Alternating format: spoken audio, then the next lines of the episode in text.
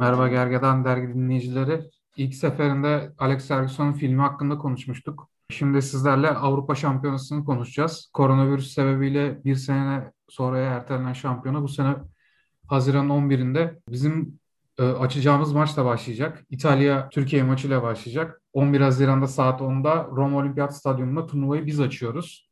Tabii herkes heyecanlı takımımız hakkında. Sadece biz değil yabancı basın da son derece olumlu mesajlar verdi. Atakan arkadaşımla beraber geçenki programda olduğu gibi sizlerle konuşacağız. Nasılsın Atakan?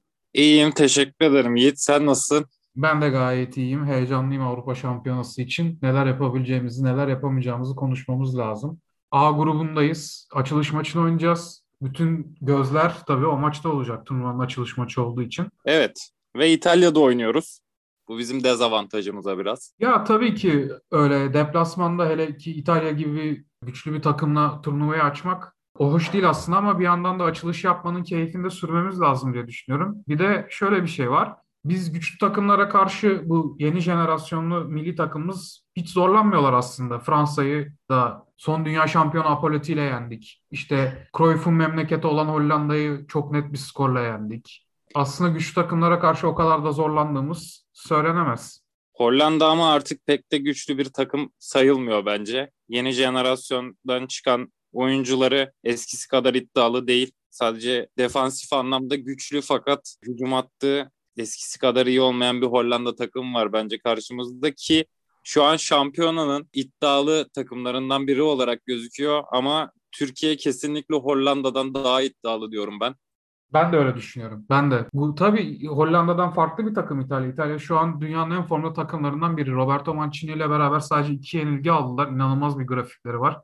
Eleme gruplarında hiç mağlup olmadılar. Sadece hazırlık maçında yenilgi aldılar.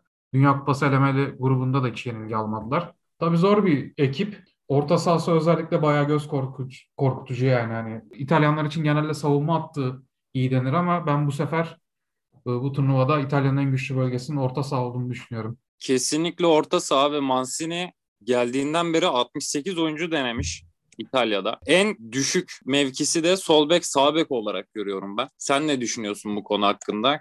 E, katılıyorum. Savunmada da şey 37 yaşında Chiellini, Bonucci onlar oynayacak ama belki Emerson sol beke bir güç katabilir. Hani yedekleri de açar bir 33 yaşında yavaş bir defansı var aslında ve bizim forvet attığımızda Kenan Karaman, Enes Ünal, Burak Yılmaz tabii ki var ama e, defansın üzerine pres yapabilecek forvetlerimiz var. Halil dahil oldu bu forvetlerin yanına. E, yardımcı forvet mevkisinde düşünüyorum ben. Burak'a yardım edecek, defansı yoracak gerçekten forvetlerimiz var ve bu takım buna müsait. İleride basan takımlara karşı da çok iddialı olduğunu düşünmüyorum İtalya'nın. Stoper bölgesinde Bastoni var. Ekstra hareketlilik getire, getirebilecek ama onda savunma meziyetleri ne seviyede? Yani Avrupa Şampiyonası'nda İtalya'nın savunmacısı olabilecek seviyede mi? O biraz tartışmalı bir konu.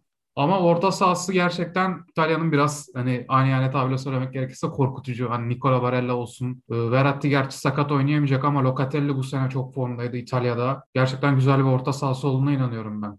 Jorginho var. Pellegrini var. Sakatlıktan döndü. Cristante var. Gerçekten çok iyi bir orta sahaya sahip. Evet. Turnuvanın en iyi orta sahası mı deriz demeyiz ama e, yakın, kötü yakın. Ben. Yakın yani en iyi olabileceklerden biri. Özellikle Barella orada çok fark yaratıyor. Nicola Barella. Şeyde evet. de hücum hattı da çok iyi aslında. Özellikle forvetler yani Ciro Immobile ilk 11 oynayacak. E, yedekte de büyük ihtimal Belot, Belotti oturacak. Grup aşamasında İtalya'nın en golcüsü Belotti. Evet o da var gerçi. Sağ tarafta Chiesa büyük ihtimal olacak. Solda da Insigne'nin olduğunu düşünürsek sadece forvet değil yani diğer iki kanadının da çok tehlikeli olduğunu altını çizmek gerek. Özellikle Umut Meraş'ın bölgesinde Chiesa bize ağır problemler çıkartabilir ama kademesinde Çağlar olduğu için de biraz da rahatlıyorum o konudan. Chiesa Juventus'un bu sezonki performansına rağmen 9 e, gol 9 asistle katkı veriyor ve iddialı bir giriş yaptı bence Juventus'a. Evet evet Chiesa gerçekten hani bu seneki kötü Juventus'ta parlayan nadir insanlardan biri yani. İtalya ile İtalya tabii Mancini şeye çok önem veriyor. Ben Akerbi ile Bonucci'nin savunmada oynayacağını düşünüyorum. Şöyle e, Mancini topu geriden oyuna sokmak konusunda çok e, takıntılı bir adam olduğu için savunma ikilisinin Akerbi ve Bonucci olacağını düşünüyorum. Bu da ağırlık yaratır. Umarım e, bu da Cengiz'e, Burak Yılmaz'a avantaj sağlayacaktır. Arkaya atılan toplar büyük tehlike yaratacaktır İtalya kalesine diye umut etmek istiyorum tabii ki. Öyle umut ediyoruz. Devam edelim. Tabii Grubun ki. diğer takımlarına bakalım. Tabii ki. İsviçre'den başlayalım istersen. Tabii. Ya İsviçre gerçekten çok iddialı geliyor aslında yani açıklamalar son derece iddialı. Şakir'in valiz muhabbetini sen de duymuşsundur. E, Şakir'in bu tip açıklamaları vardı ama Şakir'i bu sezon ne oynadı da bu kadar iddialı geliyor gerçekten e, şaşırıyorum ben. Bence yeteneğine güveniyor ya. Hakikaten Şakir'i özel yetenek seviyesinde bir oyuncu. Zaten kariyerine baktığımızda bunu görebiliyoruz. İşte Bayern Münih'te oynamış, Inter'de oynamış, Liverpool'da oynamış. Bir futbolcu yani. Bence yeteneklerine güveniyor. Bir de takımına da güveniyor. Yani takımı çok Bundesliga ağırlıklı bir takım. Hani gerçekten 12 tane Bundesliga oyuncusu var. Ee, Jan Sommer gibi bir kaleciye sahipler. Bence Bundesliga'nın 2-3 en iyi kalecisinden biri. Birincisi kesinlikle Almanya'nın kalecisi Manuel Neuer'de. Hani 2 veya 3. sırada görüyorum ben onu. Ben e, kesinlikle bu grupta başa çıkabileceğimiz bir takım olduğunu düşünüyorum ve bu konuda sana katılmıyorum. Bu e, bu oyuncu havuzunda gerçekten istikrarlı bir şekilde iyi oynayan oyuncu saymam gerekirse biri Embolo, diğeri de herhalde Seferovic. Onun dışında çok Evet. kötü bir sezon geçiren demek istemiyorum ama Elvedi kötü bir sezon geçirdi. Akanji çok güvenilir bir defans olduğunu düşünmüyorum ben. Sen katılmıyor olabilirsin buna. Yok Akanji'nin e, savruk bir stoper olduğunu ben de düşünüyorum. Ya ben sadece şey formda oyuncuları sayarken Mbappé'yi unuttuğunu ekleyecektim. E, Wolfsburg'un sağ beki. O gerçekten çok Evet. formda Bundesliga'da bu sene. Özellikle inanılmaz bir tempo yapıyor. O da sağ tarafta en formda oyuncularından biri. E, Şakiri ile beraber Umut'a gene zorluk çıkartabilir. Neden Umut'un e, altını sürekli çiziyorum? Çünkü bence bizim milli takımımızda en zayıf bölge sol bek. Ben Umut Meraç'ın e, Türkiye milli takımı performansında hiç sırıttığını düşünmüyorum. Aksine tam bir takım oyuncusu olduğunu düşünüyorum. Ben bu sene çok güveniyorum Türkiye milli takımına. Ya sırıttığına ben de inanmıyorum ama hani e, orası en güçlü karnımız mı? Bence değil yani. Hani milli takım çok iyi bir seviyede olduğu için bence o da sırıtmıyor sadece bu kadar. E, ama şampiyonada ciddi futbolcular var. Ya onlara karşı ne yapacak? Onların şimdi şampiyonadaki motivasyonları da çok farklı olacak. İşte Şakir'i kendine bir fırsat daha yaratmak isteyecek. Yani Chiesa zaten yükselişte olan bir genç futbolcu. Avrupa Şampiyonası'nda kendini kanıtlamak isteyecek. Ee, bir, bir sonraki rakipte Galler'e birazdan geliriz ama ya orada da Gareth Bale gibi futbolcu var. Yani o yüzden Umut'a pek güvenmiyorum.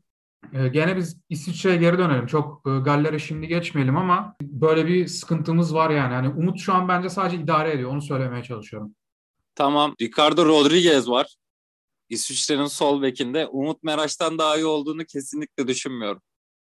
Ki Evet, o O, o tempo daha, daha iyi bence ortaları var Umut Meraş'tan ama e, o da savruk bir bek. Yani Umut'un bence defansı Rodriguez'den daha iyi ama Rodriguez'in de hücumu daha iyi. Onlar birbirini dengeliyorlar. Orada işte Cengiz işi çözecek. Yani Cengiz'in ne kadar formda olduğu da çok etkili. Yani Zerdan Şakir için söylediklerimin bir, benzerini Ceng- Cengiz için de söyleyebilirim. Şakir çok yetenekli bir futbolcu ama iyi bir sezon geçirmedi. Cengiz çok yetenekli bir futbolcu ama hiç iyi bir sezon geçirmedi. Hiçbir sezon geçirmedi bence. Bir sezon bile geçirmedi. Brandon Rodgers onu rotasyona bile almadı. Ama biz e, Cengiz Ünder'i kadroya aldık. Fakat şöyle bir durum var. Avrupa Kupası grup elemelerinde gösterdiği çaba, e, performans ve emeğinin karşılığını vermek istedi bence Şenol Güneş ve ona bir şans verdi. Cengiz Ünder'de bu şansı çok iyi kullandığını düşünüyorum ben. Ya ben öyle düşünmüyorum. Cengiz şu an hani e, kanatta yetenek olarak yetenek farkı koyabilecek, hani topu çekip vurabilecek, bir anda skoru değiştirebilecek nadir oyunculardan biri zaten Türkiye'de. Hani e, kanatta ekstra bir o, orta sahayı çoklayan, e, işte çekip vu- vurabilen, hızıyla fark yaratabilen, bir şeyler koyabilen hızıyla nadir oyuncularımızdan biri. Ben o yüzden aldığını zaten düşünüyorum yani. Cengiz olmadan da e, bizim çoğu maçta zorlandığımızda bir gerçek. Özellikle kapalı savunmalara karşı. En büyük örnekte yanlış hatırlamıyorsam Andorra maçında yoktu Cengiz. Ve biz 89. dakikada 1-0 zar zor yendik Andorra'yı. Ki Andorra'yı biliyorsun. Yani onlarda profesyonel futbolcu bulmak bile çok zor. Bayağı adamlar hani balıkçı ama ikinci meslekleri futbolculuk ve milli takıma giriyorlar. Biz bu tip fizikle oynayan, fizik temasıyla oynayan takımlara karşı çok zorlanıyoruz. Mesela İzlanda. Bu evet, takımlar. Yani şey de ben biraz buna benzetiyorum. Yani Dönis Sakarya, Embolo, Seferovic. Ya bunlar çok fizik kuvvetleri güçlü, size'lı oyuncular. Granit Şaka'yı koruyorlar orta sahada diyelim. Bu kadar pamuk bir adama sert orta sahalarla beraber nasıl diyeyim tölere ediyorlarmış gibi. Tabii diyelim. tabii onun fizik kalitesini tölere ediyorlar ama işte Florer, e, Zakaria onlar hakikaten e, size'lı oyuncular.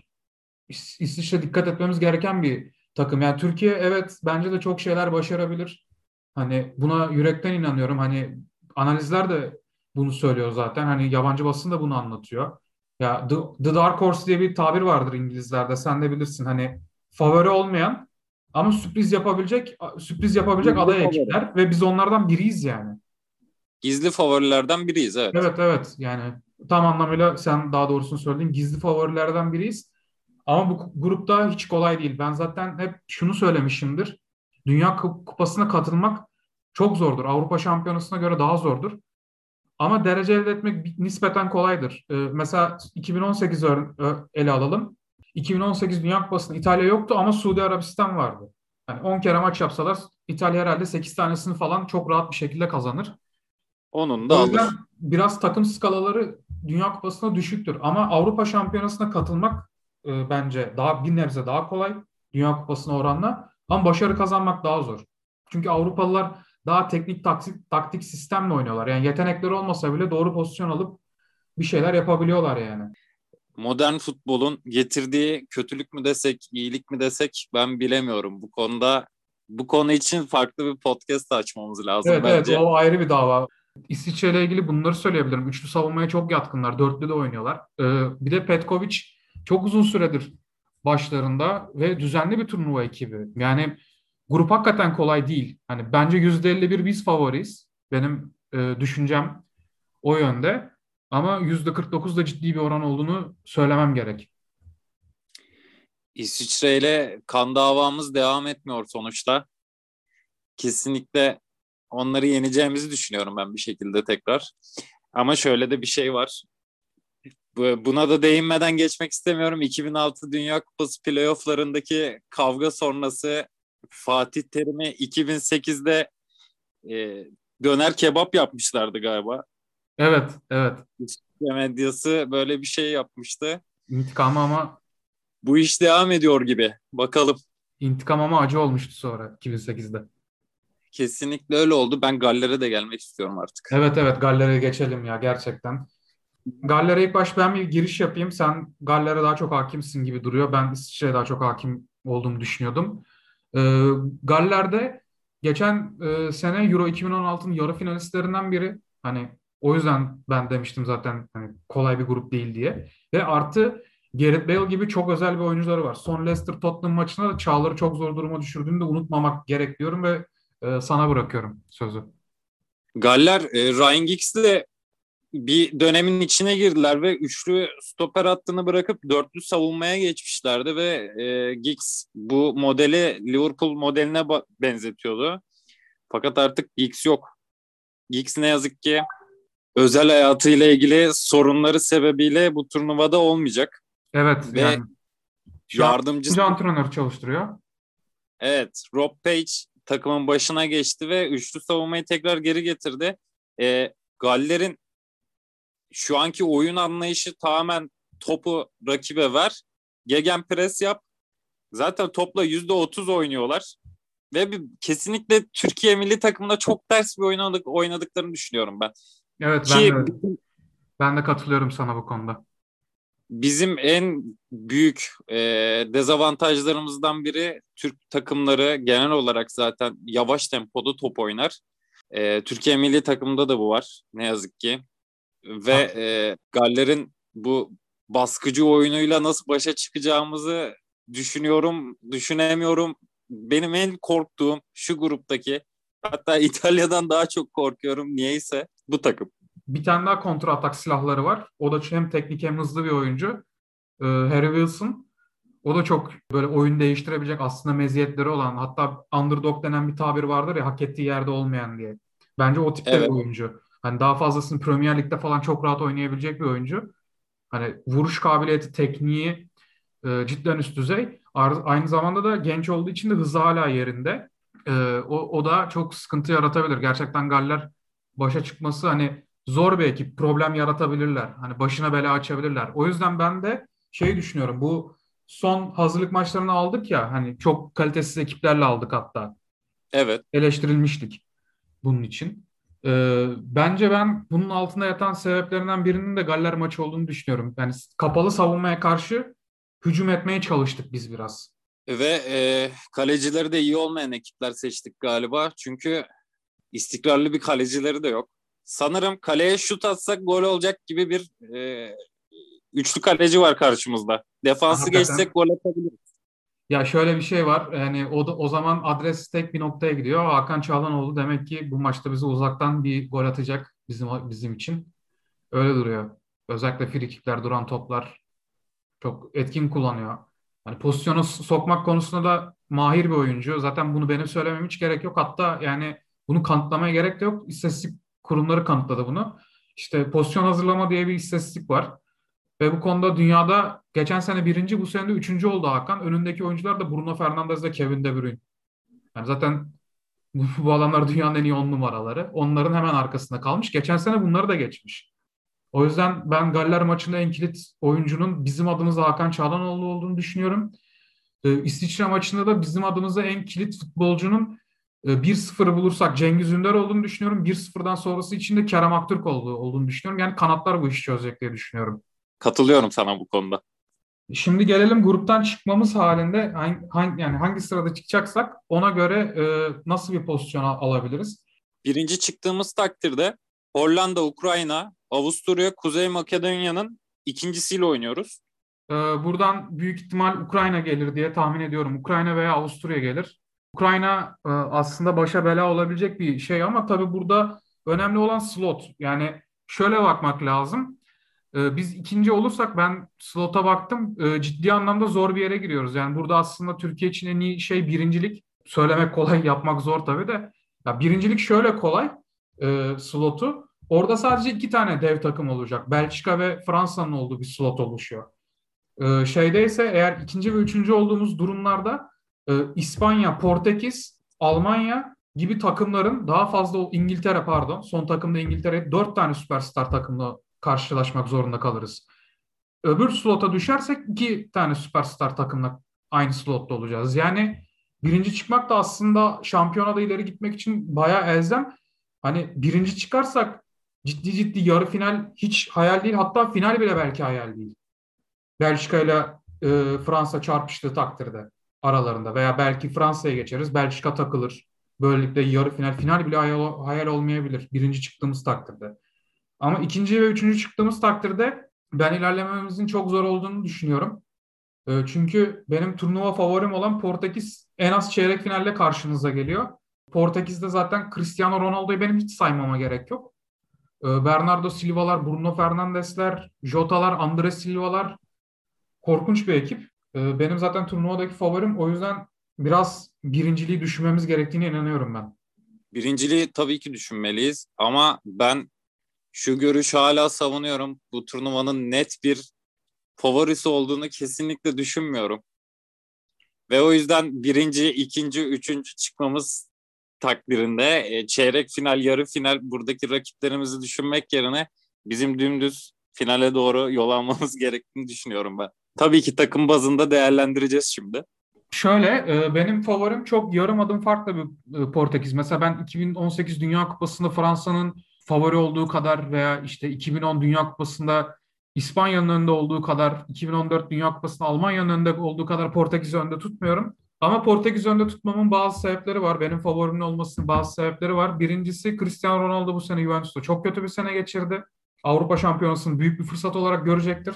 Bruno Fernandes Villarreal'e finalde kaybetti. O da yani aslında çok iyi bir sezon geçirmesine rağmen istediği övgüleri alamadı. O yüzden benim e, favorim çok ufak bir farklı Portekiz. Ben stoper hattı dışında Portekiz'in zayıf bir noktası olduğunu düşünmüyorum. Ben stoper hattının da zayıf, zayıf olduğunu düşünmüyorum. Şöyle sayayım sana defans dörtlüsünü. Ruben Diaz, Manchester City'nin stoperi. Fonte veya Pepe'den biri olacak. Sağ tarafta Cancelo, sol tarafta da Dortmund'un sol beki Rafael Guerreiro oynayacak. Ben tek sıkıntının hani belli derece kalecisi olduğunu düşünüyorum. O da bence hani vasat bir kaleci. Hani vasat ne demek? Standart demek yani. Standart bir kaleci. Ama geri kalan bence her yeri çok iyi. Ee, ben favorimden bahsedeyim. Tabii. Favorim demek istemiyorum ama çok iddialı olduklarını düşünüyorum. İngiltere milli takımı. Ee, bu takımın kaleci dışında herhangi bir mevki sıkıntısı yok. Hatta kaleci sıkıntısı da yok ama Dean Anderson De Gea'nın yerine son dönemlerde kaleye geçti ve çok iyi bir performans gösterdi. Fakat Pickford'ı mı seçersin, Henderson'ı mı seçersin? Muhtemelen turnuva tecrübesinden ötürü Pickford kalede olacak. Bunun dışında zaten İngiltere milli takımını saymaya gerek yok sanırım. Ben kalecisiyle beraber stoper hattında belli derece çok iyi olduğuna inanmıyorum ya. Tyron Mings çok iyi bir sezon geçirdi. John Stones çok iyi bir sezon geçirdi. Ben Harry Maguire'a çok güvenen bir adam değilim. O yüzden Evet, Harry Maguire'a ben de güvenenlerden biri değilim. Burayı pas geçiyorum. Fakat sol bek, sağ bek e, Alexander Arnold olmamasına rağmen bu turnuvada ki sanırım Avusturya maçında sakatlandı hazırlık maçlarında. Evet. Ee, kadrodan çıkartıldı. Ee, Trent olmamasına rağmen bayağı ciddi bir sağ bek rotasyonu var. Hatta girmeyen bir de Van Bissaka gibi bir futbolcu var sağ bekte. Yani Evet, İngiltere'de- çağrılmıyor yani. Başka milli takımda olsa büyük ihtimal bank oynar. Küstürdüler tam bir sakkayı da. Evet, öyle bir durum oldu. Ee, Sağ bek rotasyon ciddi İngiltere'nin konuşulması gereken bir yer. Trippier, Reece James. Yani inanılmaz ya. Adamlar sağ bek bastılar resmen. Kyle Walker'ı unuttuk bile. Tabii. O O, onu ben üçlü de sağ stoper olarak düşündüm. Ondan pek sağ bekte aklıma gelmedi. Guardiola öyle kullanıyordu ya bir dönem. Evet. Ben Southgate'in de öyle kullanacağını düşünüyorum. Ee, İngiltere milli takımının birinci demeyeceğim ama bence ikinci süper yıldızı Jadon Sancho ve Bundesliga'da aslında Dortmund'da oynuyor. Jude Bellingham takımda hani bence o oynamayacak. Jude Bellingham oynamaz ama o da Bundesliga'da oynuyor. Yani Premier Lig dışında gelen bazı futbolcular da var. Çok ilgi çeken. Kesinlikle. Benim bir numaralı yıldızım da İngiltere'de Harry Kane. E, Tabii ki. Harry Kane herhalde herkesin bir numaralı yıldızdır bu takımda. Fakat şöyle de bir durum var. Jordan Anderson sezonun büyük bir bölümünü kaçırdı. Declan Rice aynı şekilde. Orta sahada Jack Grealish aynı şekilde büyük bir süre kaçırdı sezon içinde. Şimdi bakınca da fikrim değişti kadroya bakınca. Ama şey yapar ya Grealish zaten son haftalarda döndü. Hani Foden'ı geriye çekebilir. Foden orta sahada oynayabiliyor ya veya Mount. İkisinden birini Tabii, yapabilir tabii. ya. O çok problem olacağını zannetmiyorum. İsimleri yeter diye düşünüyoruz o zaman. Yani ben İngiltere'nin biraz makus kaderini kıramayacağını düşünüyorum. O yüzden benim favorim İngiltere değil. Yoksa kadrosu çok hakikaten iyi yani. Foden, işte Sancho, Marcus Rashford, Harry Kane. Cidden güzel bir kadro aslında ama ya ben İngiltere'nin makus bir kaderi var ya işte hani 66'dan beri bir türlü kırılamayan. Yani sürekli yenilmeler, sürekli bir heyecanla gidiyorlar. Sonunda hüsran oluyor. Ben o hüsranı gene kıramayacaklarına inanıyorum. Bu sefer şöyle düşünüyorum ben. Böyle ayrı ayrı oyuncular değil de daha sağ içi bütünlüğü olan bir jenerasyon yakaladıklarını düşünüyorum. Çünkü bu e, oyuncular zaten 18 yaş altı milli takımda beraber olan geneli e, zaten yaş ortalaması da genç bu takımın. Onu söylemeyi unuttuk. Turnuvanın en genç takımı da bizim milli takımımız. Bizim 25 yaş ortalamamız var. Evet. Burak Yılmaz olmasına rağmen 25 yaşındayız. E Zaten onun dışında artı 30 30 yaş üstü başka futbolcu var mı? Benim aklıma gelmiyor yani. Türkiye milli takımında başka yok. Milli takımda Bir de Mert yok. olabilir. Kaleci, üçüncü kalecimiz. O da 31 falandır en fazla. Yani varsa odur yani. Mert'in yaşını şimdi tam hatırlamıyorum. Mert Günok. Bizim milli takımdan biraz da bahsedelim. Evet şu yaş ortalamasından kaynaklı biraz daha milli takımı açalım. Ee, genç olduklarını söyledik ama bu ekip mesela hiç tecrübesiz bir ekip değil. Hani gençler ama tecrübeliler. Ya Yusuf Yazıcı Lig 1'de şampiyon oldu. Ee, Hakan Çalhanoğlu Milan'ı çok uzun yıllar sonra Şampiyonlar Ligi'ne götürdü. E, Cengiz'in Barcelona'ya elemişliği var. Hani efsanevi şekilde. Hani tecrübe ise tecrübe hepsi. Ozan iki senedir Fenerbahçe gibi bir kulübün en iyi oyuncularından biri. Okay West Bromwich'te fark yarattı. Çağlar Premier Lig'in en iyi defanslarından biri. Zeki gene bir de şampiyon oldu. Uğurcan yükselen yıldız. Hani hepsi böyle yani. Biz e, geçen sene olsaydı bu turnuva çok sakat oyuncumuz vardı. Şansımız düşüktü ama şu an e, Cenk Tosun dışında sakatlıktan ötürü kadro dışı kadro dışı kalan bir oyuncumuz yok. Evet, evet. Ya geçen sene Merih ve Ozan aynı anda sakatlanmıştı. Turnuva zamanı olacaktı. Herhalde pandeminin yaradığı nadir e, şeylerden biri bizim milli takımımız oldu. O konuda hak veriyorum sana. Okay Yokuşlu ve Okay Yokuşlu müthiş bir form tuttu bu sezon. West Bromwich Albion'da e, küme düşmelerine rağmen vazgeçilmez bir ön libero oldu bu takımda ve biz ön liberoya Taylan Antal Antalyalı'yı devşirdik. Bu adam ofansif orta saha oynayan Emre Akbaba'nın yedeği olarak gelen bir adam adamdı ve ön libero oynuyor şu an. E, ve buradaki bizim ön liberoya aldığımız kattığımız yeni bir oyuncu e, Mahmut Tekdemir'e olan ihtiyacımızı gidermiş oldu. Mahmut Tekdemir de artık şey e, formu düşmeye başlamıştı açıkçası. Tabii Başakşehir'de bile forma süresi bulamıyordu. Galatasaray'da Fatih Terim hakikaten milli takıma o konuda iyi bir katkı verdi. Kerem Aktürkoğlu'nu da o konuda konuşmak lazım. Yani bir sene önce 3. ligdesin. Şimdi Avrupa şampiyonası. Müthiş bir hikaye. Yani şu an e, Sabri abim, Sabri Ugan, selam olsun ona da. O şu an eline e, kağıt kalem alıp Kerem'i böyle bir anlatmaya e, şey yapmıştır yani çalışmaya başlamıştır. Hayat hikayesi evet. falan filan. Bir, bir sene içerisinde nereden nereye geldi diye. Halil Dervişoğlu'ndan da bu şekilde bahsedebiliriz bence. Halil ama yok e, çok yükselen bir wonderkid'ti zaten ya. Hani o Hollanda kariyeri ondan sonra Brentford yani zaten bir şeyler gösteriyordu Halil. Hani tabii Galatasaray'da tekrar bir sıçrama yaptı ama hani çok e, böyle şey Kerem gibi bir hikayesi yok yani. Fenerbahçe'den şu an yani onlar zaten çok formdaydı. İrfan zaten eski yani hala milli takımımız oyuncusu. Önceden de milli takım oyuncusu. Ozan öyle. Altay bence bu sene kendini çok geliştirdi bak. Farkı bence o yarattı ama hani ekstra bir hikaye çıkardı mı bize? Yani çok büyük bir hikaye çıkarmadı ama bu sene inanılmaz performansını yükselten, en çok performansını yükselten milli takım oyuncularımızdan biri de Altay Bayındır tabii ki Fenerbahçe'den. E, artı olarak bir de Rıdvan Yılmaz tabii ki. Bir sene önce altyapıda hatta bundan 3 sene önce son şampiyonluğunda Beşiktaş'ın e, top toplayıcı. Şimdi Euro 2020. Evet ve e, yeni katılan oyuncular var. Şenol Güneş'in e, elemelerde kullandığı fakat kulüp bazında çok forma şansı bulamayan oyuncular da var. Mesela bu sezon için Dorukan Toköz Beşiktaş'ta evet. doğru düzgün bir forma şansı bulamadı. Bu bizim için bir eksi bence. Takımda da duruyor. Büyük ihtimal 11 oyuncusu olmayacak. Dorukan hani biraz şeyden götürdü Şenol Hoca. Evlat kontenjanından. Ee, şey Şenol Hoca Fransa maçında onu çok iyi kullanmıştı ve Pogba'yı hakikaten sahaya dar etmişti Konya'daki maçta. Ee, kendi kendisinin döneminde Beşiktaş'ta çalıştığı dönemde Dorukan ciddi anlamda formunu yükseltti. O yüzden Dorukan'a karşı özel bir şey var. Tıpkı Burak Yılmaz'a bir dönem olduğu gibi. Hani Burak da Şenol Hoca'nın elinde bir dönem çok başka oynuyordu yani. Hani başka hocaların eline gittiği zaman o kadar verimli kullanılmıyordu. Ama Şenol Hoca cidden Burak'ın kariyerine de fark yarattı. Dorukan'a da fark yarattı. Belki ondan kaynaklı hani ara ara planlarında olabilir. Bence ama tabii haklısın. Salih olmalıydı bence burada. Salih Uçan, Alanya Spor'un futbolcusu. Eski Fenerbahçeli. O olabilirdi. O Dorukan kontenjanından gelen bir futbolcu da Cengiz zaten. Bahsetmiştik. Brandon Rodgers'ın forma şansı vermediğini. Evet. Bu arada Şenol Güneş'in bu tip kararları var. 2002'de de yapmış böyle bir şey. Tayfun Korkut'u çıkarmış kadrodan. Tayfun Korkut'un e, en formda olduğu dönemlerden birinde ve bu bayağı tartışma konusu olmuş. Ve Fatih Terim de yaptı bunu. 2008'de evet. Yıldıray Baştürk'ü çıkardı. Sadece Yıldıray değildi ya Gökdeniz'i de çıkardı diye hatırlıyorum ben. Gökdeniz Karadeniz'i.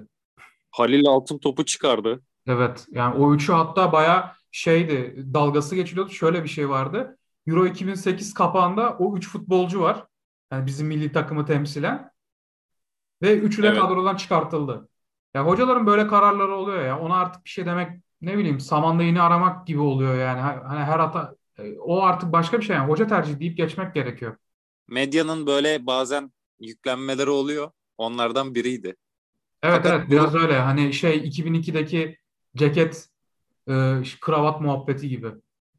Evet. Giyiminden kaynaklı Uluç çok eleştirmişti. Onu hatırlıyorum.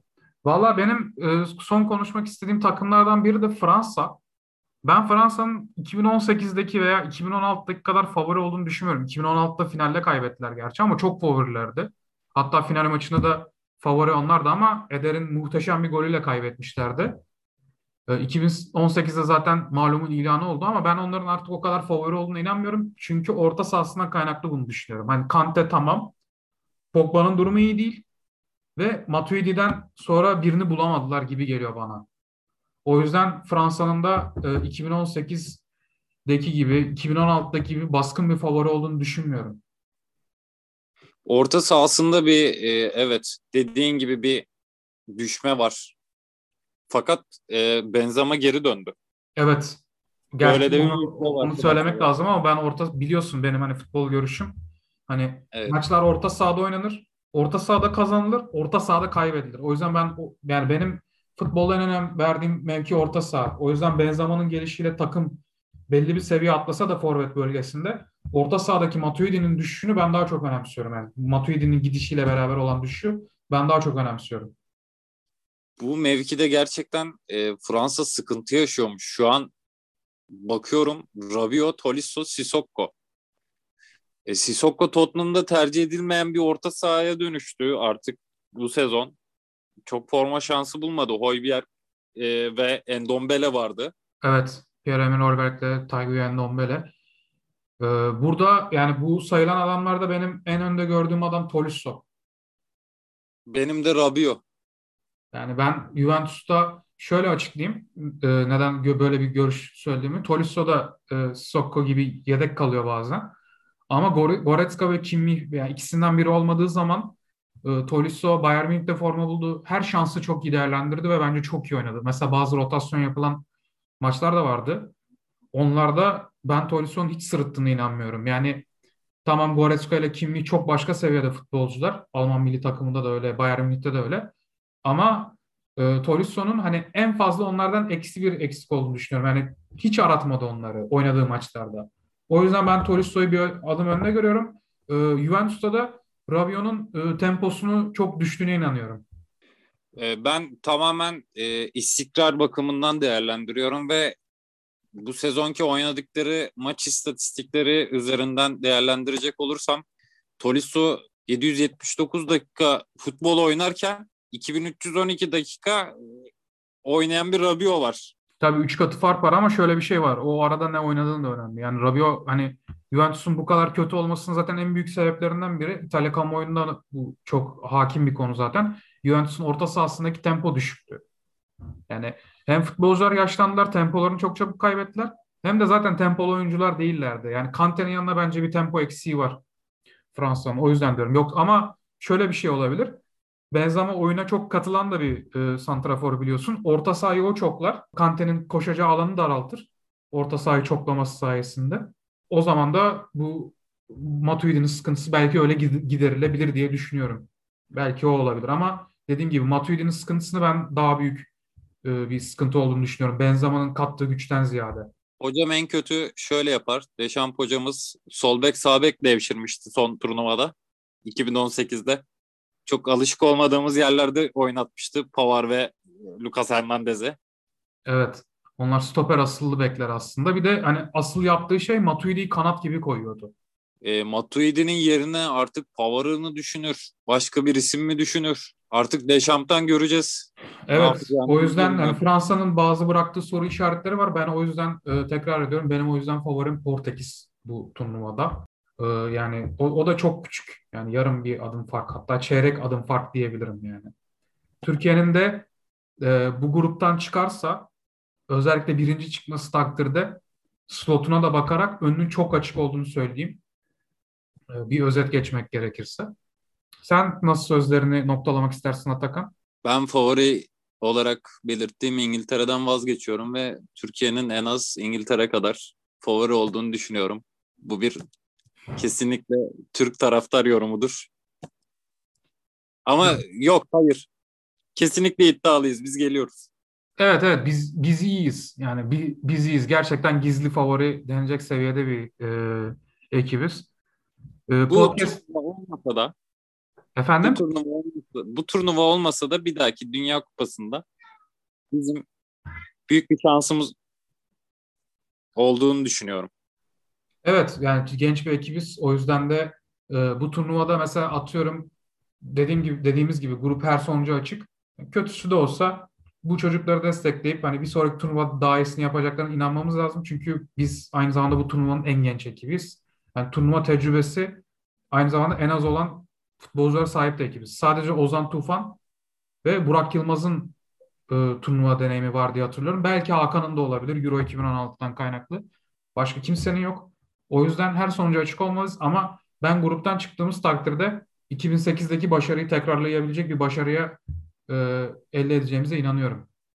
Ben 2016 turnuvasındansa bu grup elemelerindeki elde ettikleri başarı ve tecrübeyi daha önde görüyorum. O yüzden 2016'yı unutalım. Üstüne bir örtü çekelim. Hiç görmemiş gibi yapalım o turnuvayı. Bu turnuva geliyoruz. Benden bu kadar. Tamam. O zaman tüm Gergedan Dergi dinleyicilerine teşekkür ederim. Ee, teşekkür, teşekkür ederiz.